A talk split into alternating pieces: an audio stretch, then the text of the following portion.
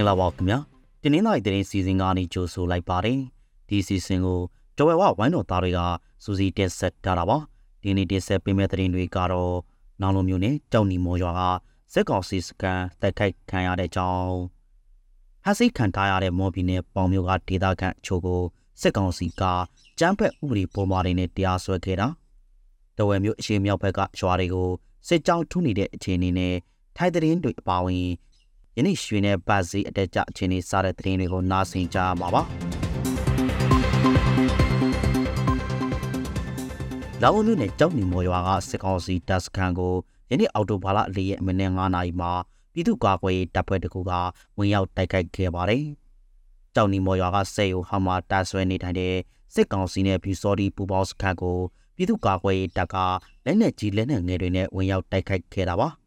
၃နာရီနီးပါးအကြာနှစ်ဖက်ပြန်လာပြေကမှုကြောင့်ဒေသခံတွေပြီးလို့ရထွက်ပြေးခဲ့ကြရပါတယ်။ကြောင်နီမော်ရွာဟာတဝဲမှကိုချောင်းရီချောင်းနဲ့တွာလာနိုင်တဲ့ကြီးရွာတွေရွာဖြစ်ပြီးဒီကနေ့မနေ့ကဖြစ်ပွားတဲ့တိုက်ပွဲကြောင့်ရေချောင်းစစ်ကူတွေရှောက်လာကထပ်မံပစ်ခတ်မှုဖြစ်မှာကိုဒေသခံတွေစိုးရိမ်နေကြရပါတယ်။ ဖမ်းဆီးခံထားရတဲ့မော်ဘီနယ်ပေါင်မြို့ဦးရတာကျေးရွာကဒေသခံချုပ်ကိုစစ်ကောင်စီက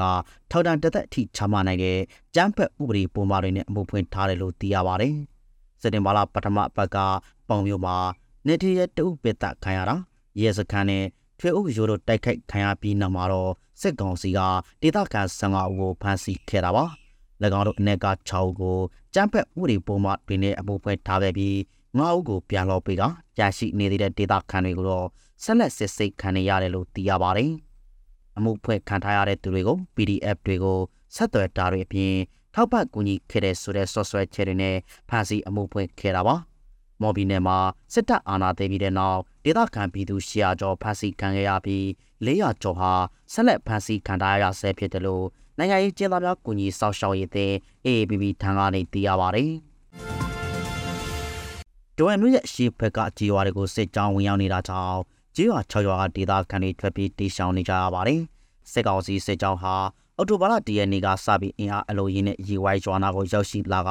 PDF အဖွဲ့တွေနဲ့လည်းနှစ်ပတ်ပိတ်ခတ်မှုဖြစ်ခဲ့တယ်လို့သိရပါတယ်။ဒါကြောင့်တဝယ်မျိုးရဲ့အရှိမြောက်ဘက်ကြေးရွာတွေဖြစ်တဲ့ပတိုင်ချောင်းခေါင်တိုင်ပြင်မြမတာပခတ်အင်းကင်ကိုရေဝိုင်းကျွာသားတွေဟာဘင်းတော်ကြာထွက်ပြေးခဲ့ကြရတာပါ။ ပြီးခဲ့တဲ့စက်တင်ဘာလ30ရက်နေ့ကအစည်းအရွာအနီးမှာရှိတဲ့တဝဲကျင်းထောင်တဲ့ဆောက်လုပ်ရေးလုပ်ငန်းခွင်ထဲရောက်နေတဲ့အကျဉ်ဦးစီးဌာနဝန်ထမ်းတွေကို DGRF အဖွဲ့ကတပ်ဖြတ်ခဲ့တယ်လို့နိစာတူတုံကအော်တိုဘာလ2ရက်နေ့မှာဒဝဲဝတ်ကိုပြောခဲ့တာပါ။တာပြင်အကျဉ်သားငါးဦးမှလည်းလွန်မြောက်နေတယ်လို့သိရပါတယ်။အဲ့ဒီဖြစ်စဉ်တွေဖြစ်ပြီးနောက်မှာတော့စစ်ကောင်စီတပ်ဟာအော်တိုဘာလ၁ရက်နေ့ကစပြီးမမရှောင်းရွာသား၃ဦးကိုဖမ်းဆီးကတဝဲအရှိမြောက်ဒေသတွေကိုစစ်ကြောင်းထုံနေခဲ့တာပါ။ ပြီးခဲ့တဲ့စက်တင်ဘာလ24ရက်နေ့ကလည်း UI ရဲအနီဝန်းကျင်ဒေသတွေမှာစစ်ကောင်စီတပ်နဲ့ PDF တပ်ဖွဲ့တို့တိုက်ပွဲဖြစ်ပွားခဲ့ပြီး PDF ဖမ်းမတပ်စခန်းနယ်တကူသေးပိုက်ခံရကရဲဘော်2ဦးကြာဆုံးခဲ့တယ်လို့ DGRF အဖွဲ့ကအော်တိုဘာလ2ရက်နေ့ကထုတ်ပြန်ခဲ့ပါတယ်။မင်းကပန်ကောက်မြို့လေကောင်ဈေးဝယ်စင်တာတဲ့ပြေကမှုမှာမြန်မာအမျိုးသမီးတအုပ်သေးဆုံးခဲ့ပါတယ်။အသက်14နှစ်အရွယ်သားရှိတဲ့ចောင်းသားလူငယ်တအုပ်ဟာ အော်တိုဘာလ3ရက်နေ့ညနေဘိုင်းကစေဝဲစစ်သားထဲဝင်ရောက်ပြီးတနင်္လာနေ့ပြစ်ခတ်ခဲ့တာပါအဆိုပါပြစ်ခတ်မှုကြောင့်စုစုပေါင်း၈ဦးတရားရရှိခဲ့တာဖြစ်ပြီးသက်34နှစ်အရွယ်ရှိတဲ့တရုတ်နိုင်ငံသူကတော့ပွဲချင်းပြီးတိတ်ဆိုးကမြန်မာအမျိုးသမီးကတော့ဆေးရုံမှာတိတ်ဆိုးခဲ့ပါတယ်တိတ်ဆိုးသူမြန်မာအမျိုးသမီးရဲ့နာမည်နဲ့ကိုရေးချက်လက်ကိုတော့ထိုင်ရက်တပ်ဖွဲ့ကမနေ့ကညနေထိထုတ်ဖော်ပြောကြားတာမတွေ့ရသေးပါဘူး တနာသမားဟာအသက်14နှစ်အရွယ်အမျိုးသားဖြစ်ပြီးကွန်ပျူတာဂိမ်းဆွဲလာနေသူတဦးဖြစ်တယ်လို့လည်းထိုင်သတင်းတွေမှာဖော်ပြထားပါတယ်။သူ့ကိုပြစ်ခတ်မှုဖြစ်ပြီးညနေပိုင်းမှာပဲထိုင်ရက်တပ်ဖွဲ့ကစေဝဲစစ်သားတွင်ဖမ်းဆီးခဲ့တာပါ။အဆိုပါလူငယ်အမျိုးသားဟာသူ့ကိုတဦးကတိုက်ခိုက်နေတယ်လို့တင်ပြီးတနတ်ထုတ်ပြစ်ခတ်ခဲ့တယ်လို့ရက်တပ်ဖွဲ့ကိုထွက်ဆိုထားပါတယ်။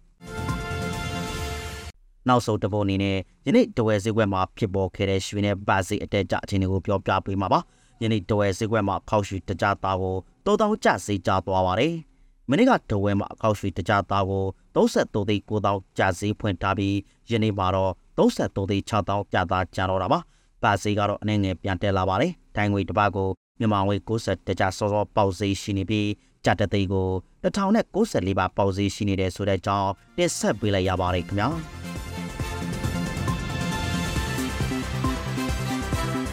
ခုလိုနားဆင်ပေးခဲ့တဲ့အတွက်ကျေးဇူးအထူးတင်ရှိပါတယ်မြန်မာနိုင်ငံသူနိုင်ငံသားများကပ်ပြီးပေါင်းကနေအများဆုံးလွတ်မြောက်နိုင်ပါစေလို့ကျော်ဝဲဝဝိုင်းတော်သားတွေကစုမော်ကောင်းတောက်အပ်ပါတယ်ခင်ဗျာ